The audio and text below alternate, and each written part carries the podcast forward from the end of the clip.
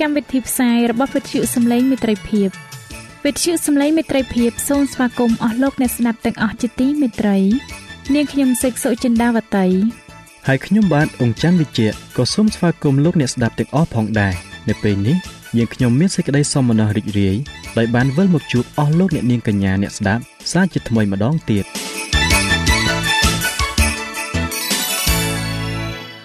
នាងខ្ញុំសេកសុចិន្តាវតី សូមជម្រាបជូនកម្មវិធីផ្សាយដែលមានជាបន្តបន្ទាប់ដូចតទៅនេតិជួបជាមួយព្រះបន្ទូលនេតិស្ពានជីវិត ចា៎លោកអ្នកស្ដាប់ជាទីមេត្រី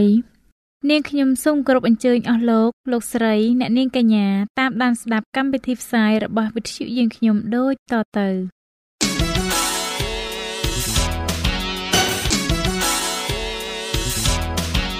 នេតិ ជួបជាមួយព្រះបន្ទូល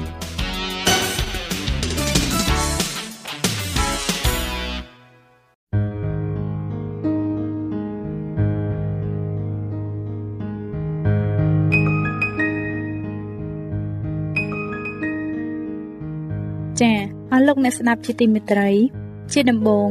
នាងខ្ញុំសូមអញ្ជើញលោកអ្នកនាងស្ដាប់នេតិជួបជាមួយព្រះបន្ទូលនេតិនេះនឹងលើកយកព្រះបន្ទូល ពីព្រះគម្ពីរទំនុកដង្កើងដែលនឹងជម្រាបជូនដល់លោកអង្គច័ន្ទវិជ្ជៈដូចតទៅ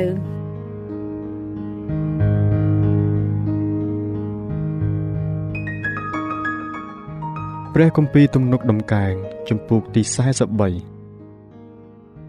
អោព្រះអង្គអើយសូមវិនិច្ឆ័យទូបង្គំ ហើយកាន់ក្តីរបស់ទូបង្គំទាស់នឹងបណ្ដាជនដែលមិនកោតខ្លាចដល់ព្រះអោ សូមជួយទូបង្គំឲ្យរួចពីមនុស្សកំពូតហើយទុច្ចរិតផងបិទត្រង់ជាព្រះដ៏ប្រទានកម្លាំងដល់ទូបង្គំហេតុអ្វីបានជាទ្រង់ចោលទូបង្គំហេតុអ្វីបានជាទូបង្គំត្រូវទៅទាំងទុកព្រួយដោយព្រោះការសង្កត់សង្កិននៃពួកខ្មាំងសត្រូវដូច្នេះអោសូមផ្សាយពន្លឺនិងសេចក្តីពិតចេញមកនាំមុខទូបង្គំដើម្បីឲ្យបាននាំទូបង្គំទៅឯភ្នំបរិសុទ្ធហើយក្នុងព្រះវិហារនៃទ្រង់ នោះទូបង្គំនឹងទៅឯអាសនៈនៃព្រះ គឺដល់ព្រះជាសេចក្តីអំណរនិងជាសេចក្តីរីករាយរបស់ទូបង្គំអោព្រះអង្គដ៏ជាព្រះនៃទូបង្គំអើយទូបង្គំនឹងសរសើរដល់ទ្រង់ដោយចាប់សង្ឃអោប្រលឹងអញអើយហេតុអ្វីបានជាត្រូវបងអោនហើយរសាប់រសល់នៅក្នុងខ្លួនដូច្នេះចូលសង្ឃឹមដល់ព្រះចោះត្បិតអញនឹងបានសរសើរដល់ទ្រង់ទៀតដែលទ្រង់ជាសេចក្តីជំនួយ ហើយជាព្រះនៃអញ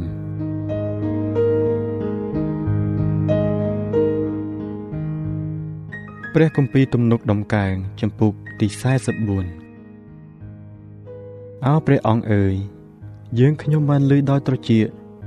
ពួកអាយកោយើងខ្ញុំបានថ្លែងប្រាប់មកយើងខ្ញុំពីការទាំងប៉ុន្មានដែលទ្រង់បានធ្វើ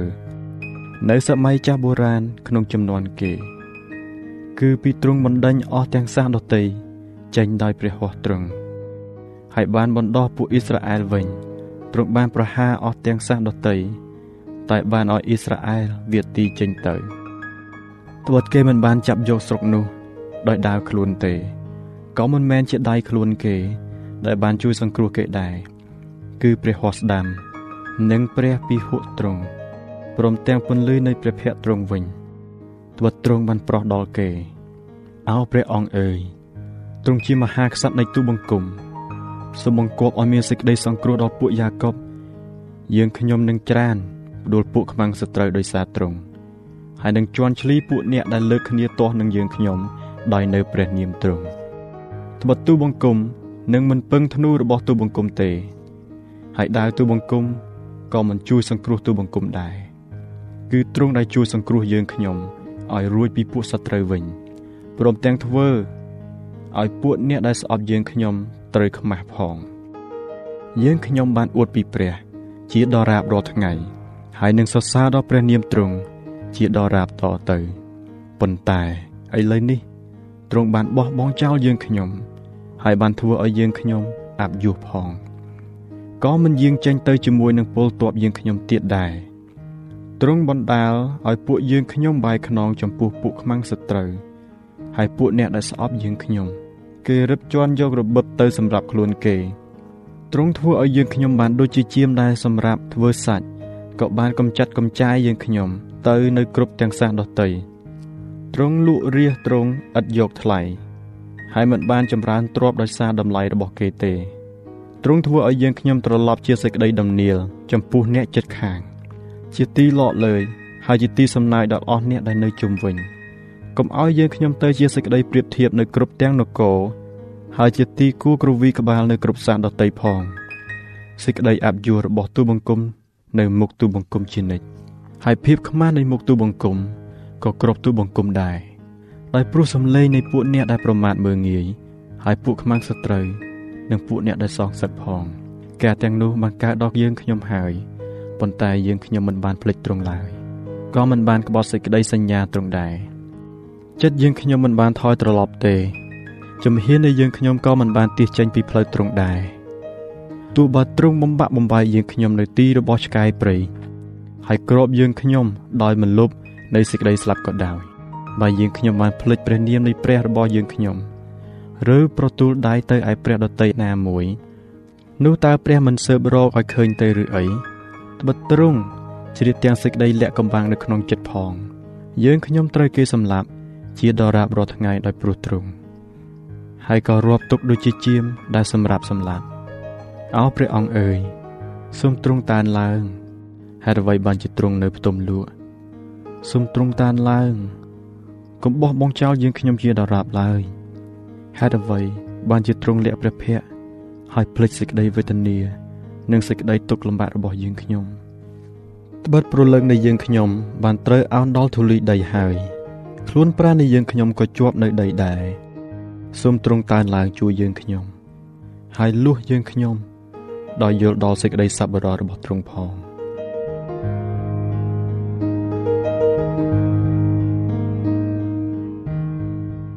ព្រះគម្ពីរទំនុកដំកើងចំពុកទី45ចិត្តរបស់ខ្ញុំពេញហៀដោយសេចក្តីដ៏ល្អ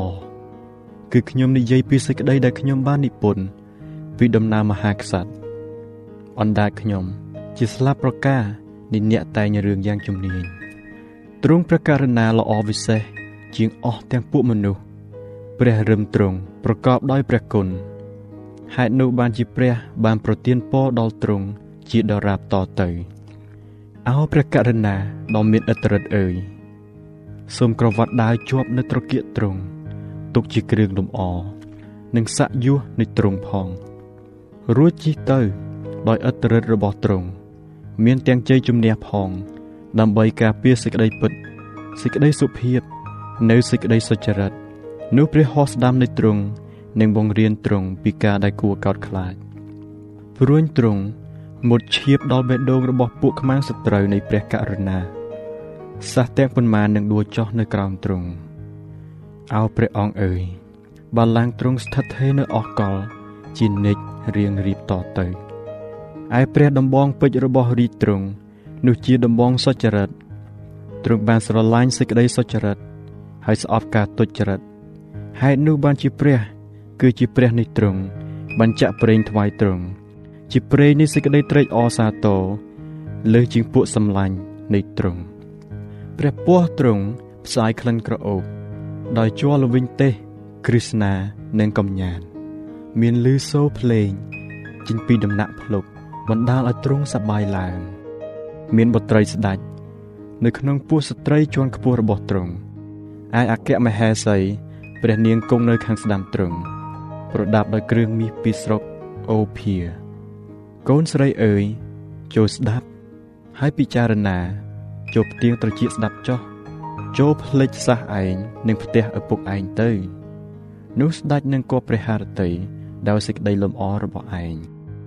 ត្បិតទ្រង់ជាចៅវាយឯងដូច្នេះ ត្រូវកោតខ្លាចដល់ទ្រង់ឯបុត្រី ក្រុងទីរស់នាងនឹងនៅទីនោះទាំងថ្វាយដងវាយផងពួកអ្នកមានក្នុងបណ្ដាជននឹងមករកពឹងគុណនៃឯងដែរឯបុត្រីនៃស្ដេចដែលនៅក្នុងដំណាក់នាង មានសេចក្តីរុងរឿងព្រះភូសារបស់នាងចម្រោះដោយមាសគេនឹងនាំនាងមកថ្វាយព្រះករុណាប្រដាប់ដោយព្រះភូសាបៈឯពួកព្រហ្មចារី ជាភឿនដែលដង្ហែនាងមក នោះនឹងមកឯទ្រង់ដែរនឹងមានអ្នកនាំគេចូលមក ក្នុងព្រះរាជដំណាក់ដោយមានសេចក្តីរីករាយសប្បាយនោះនាងនឹងបានព្រះរាជបុត្រជំនួសឪពុក ហើយនាងនឹងតាំងព្រះរាជបុត្រទាំងនោះឲ្យធ្វើជាចៅហ្វាយនៅគ្រប់លើផែនដីអញនឹងធ្វើឲ្យមានសេចក្តីរលឹកនឹកចាំពីឈ្មោះឯងនៅគ្រប់ទាំងដំណំមនុស្សតទៅហេតុនោះអស់ទាំងសះនឹងសរសើរដល់ឯងនៅអស់កលជានិច្ចរៀងរៀបតទៅ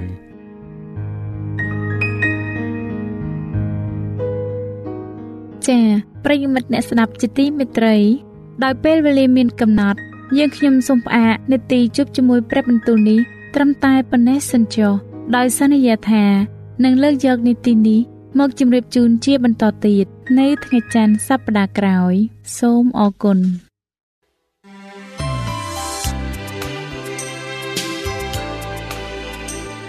វិទ្យុសំឡេងមេត្រីភាព AWR ជាវិទ្យុដែលនាំមកពី ក្នុងការនាំព្រះរាជសាររបស់ព្រះជាម្ចាស់សម្រាប់លោកអ្នក។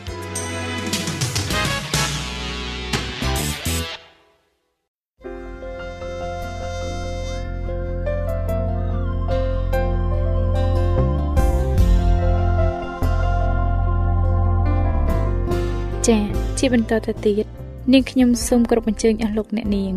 តាមដានស្ដាប់នាទីស្ពានជីវិតដែលនឹងជម្រាបជូនដល់លោកអង្ចាន់វិជ្ជៈដូចតទៅ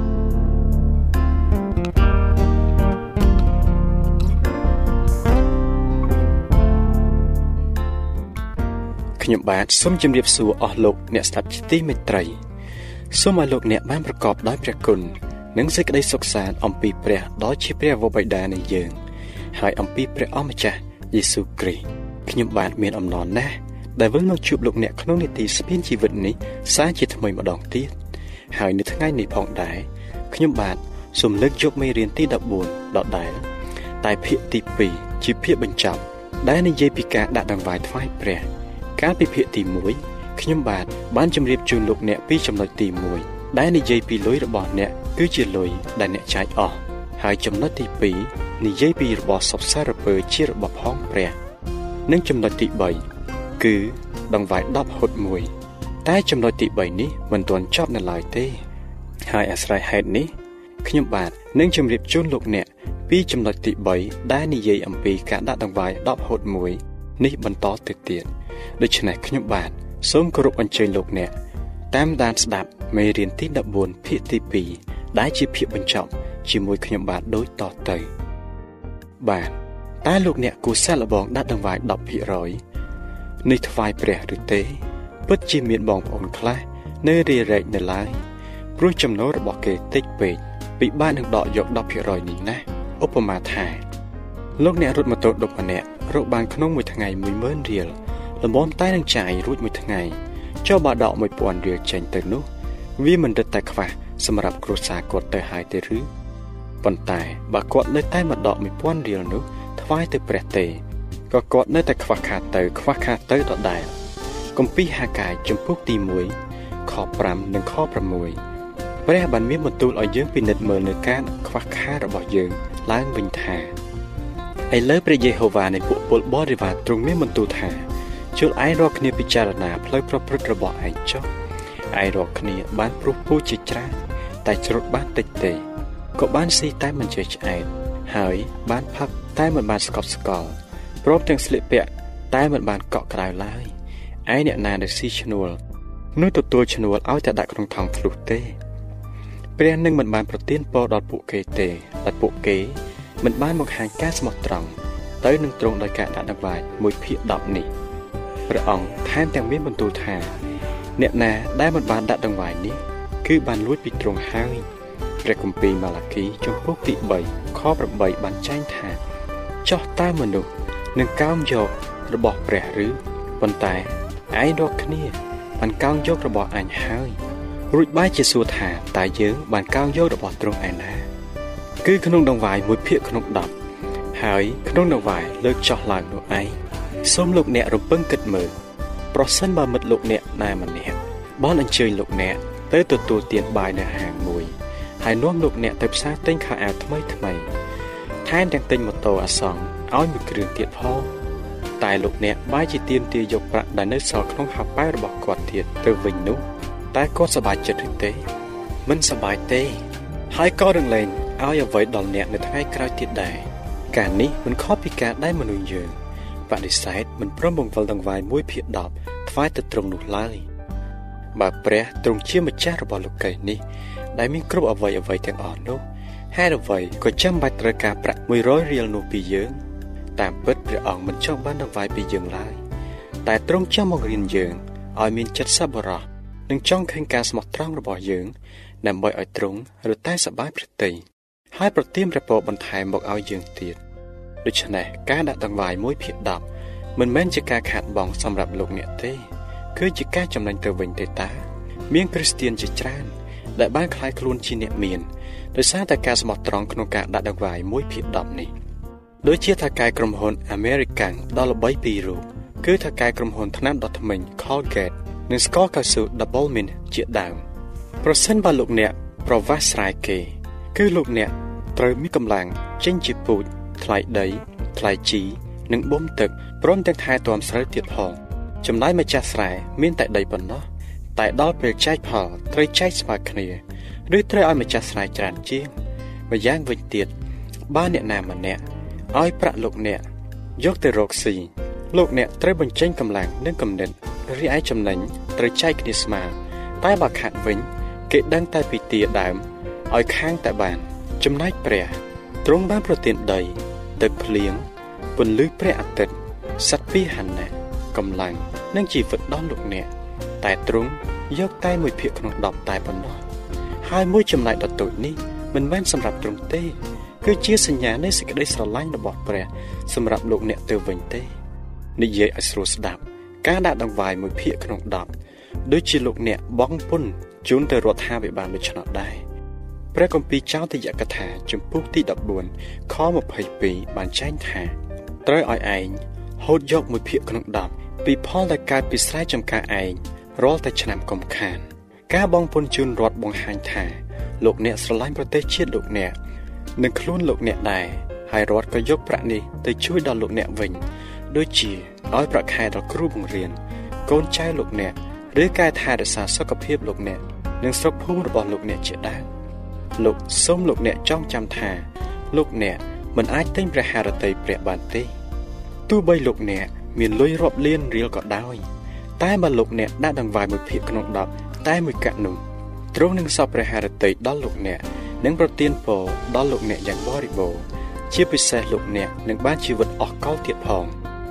ចំណុចទី4ដង្វាយសទ្ធាយើងបានប្រៀបធៀបដង្វាយ10ហុតមួយទៅនឹងការបងពុនជូនរដ្ឋ ចុះបើសាលារៀននៅក្នុងភូមិលោកអ្នកខ្វះខាតតុកៅអីឬមានអ្នកក្រនៅក្នុងភូមិលោកអ្នកមានធុរៈនោះតើលោកអ្នកមិនរវីរវល់ដោយគិតថាលោកអ្នកបានបងពុនជូនរដ្ឋរួចទៅហើយឬក៏រៃអង្គាគ្នា តាមសទ្ធាយកមកជួយដល់សាលារៀននិងអ្នកក្រីក្រនោះទេឬអីដងវាយចំណែកឯដងវាយសទ្ធាក៏ដូចគ្នាដែរគឺអ្នកអាចដាក់ប៉ុន្មានក៏បាន ហើយនៅពេលណាក៏បាន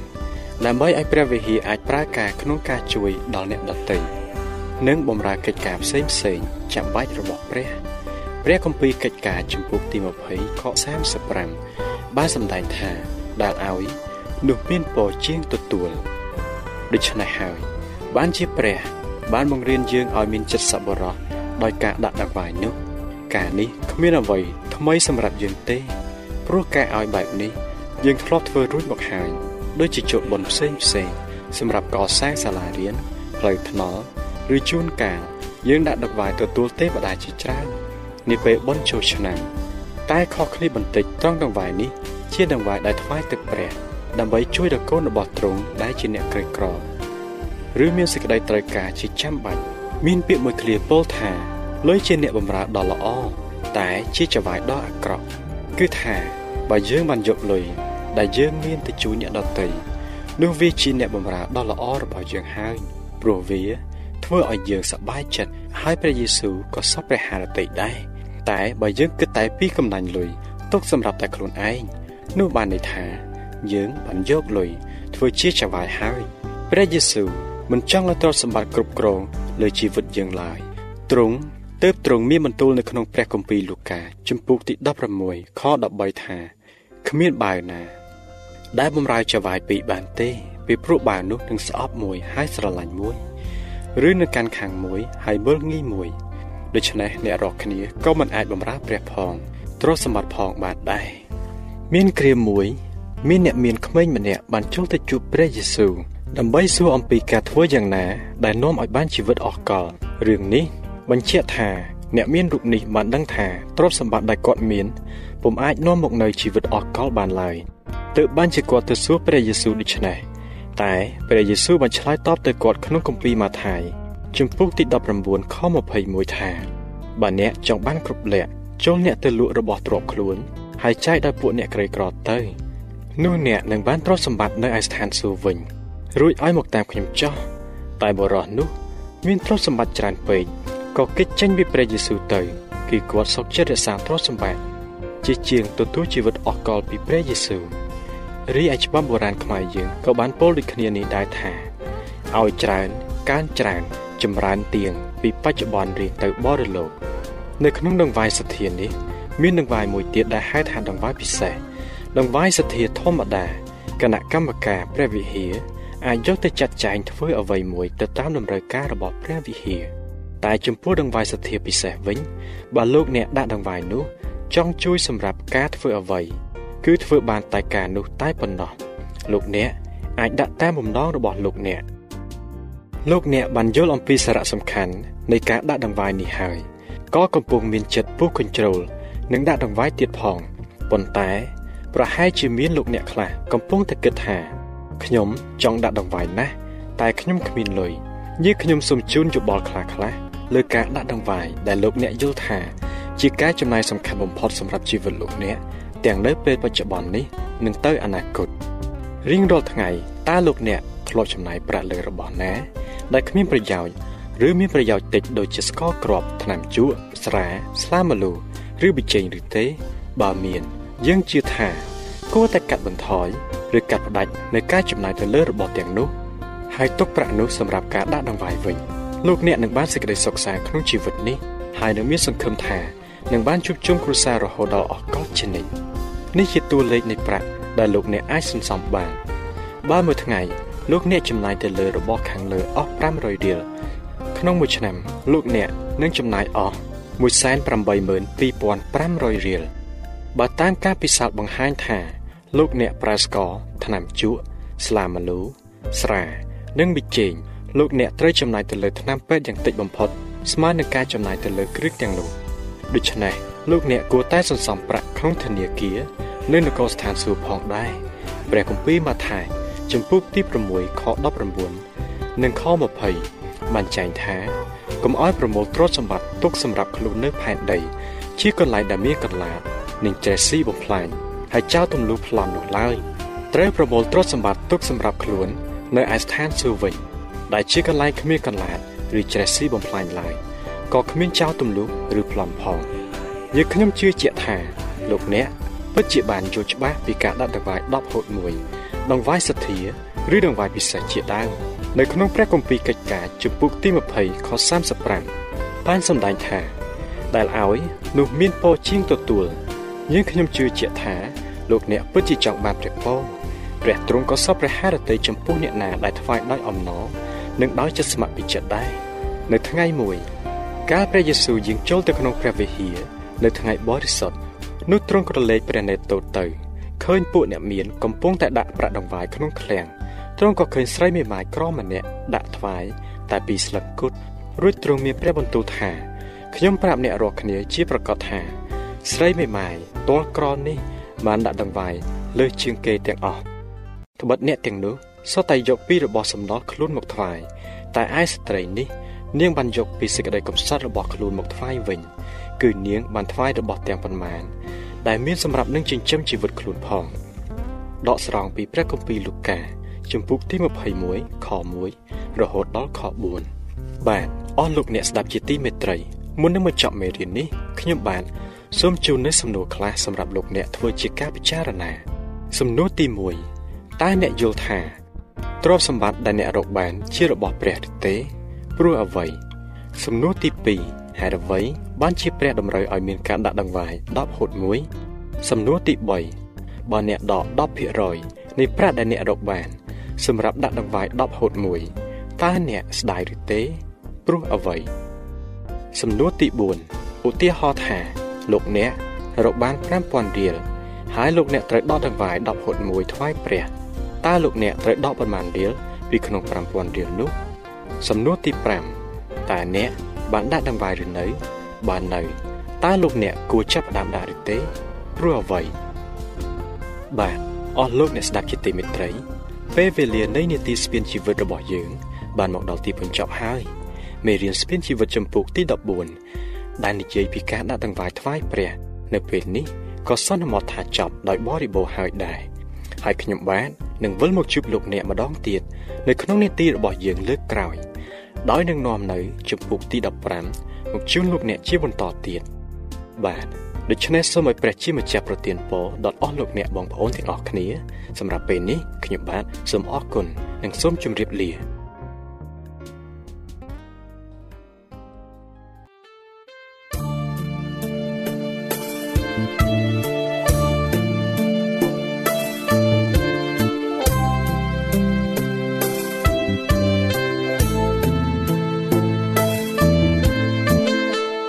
បើសិនជាលោកអ្នកមានសំណួរឬសំណុំពរអ្វីសូមតាក់ទងមកការិយាល័យវិទ្យុយើងខ្ញុំ តាមអាស័យដ្ឋានផ្ទះលេខ15ផ្លូវលេខ568សង្កាត់បឹងកក់2ខណ្ឌទួលគោករាជធានីភ្នំពេញលោកអ្នកក៏អាចសរសេរសម្បត្តិផ្ញើមកយើងខ្ញុំ តាមរយៈប្រអប់សម្បត្តិលេខ488ភ្នំពេញឬតាមទូរស័ព្ទលេខ012 34 96 64ឬ097 80 81 060ឬក៏តាមរយៈអ៊ីមែល vol@awr.org យើងខ្ញុំរងចាំទទួលស្វាគមន៍អស់លោកអ្នកនាងដោយក្តីសោមនស្សរីករាយហើយលោកអ្នកក៏អាចស្ដាប់កម្មវិធីនេះឡើងវិញ ដោយចូលទៅកាន់ website របស់វិទ្យុយើងខ្ញុំតាមរយៈអាស័យដ្ឋាន www.awr.org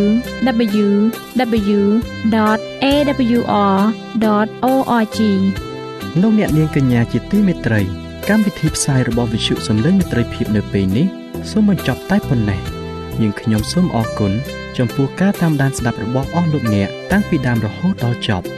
យើងខ្ញុំសូមជូនពរឲ្យអស់លោកអ្នកនាងកញ្ញាទាំងអស់ បានចម្រើនឡើងក្នុងព្រះគុណព្រះអង្គម្ចាស់ហើយក្នុងការទទួលយកព្រះយេស៊ូវគ្រីស្ទជាព្រះអង្គម្ចាស់និងជាព្រះអង្គសង្គ្រោះនៃយើងរាល់គ្នានាទីផ្សាយរបស់វិទ្យុយើងខ្ញុំនឹងវិលមកជួបអស់លោកអ្នកសាជាថ្មីម្ដងទៀតនៅថ្ងៃស្អែកវេលាម៉ោងដដែលនាងខ្ញុំសេកសុចិន្តាវតីនិងខ្ញុំបាទអ៊ំច័ន្ទវិជ្ជៈសូមអរគុណសូមជម្រាបលា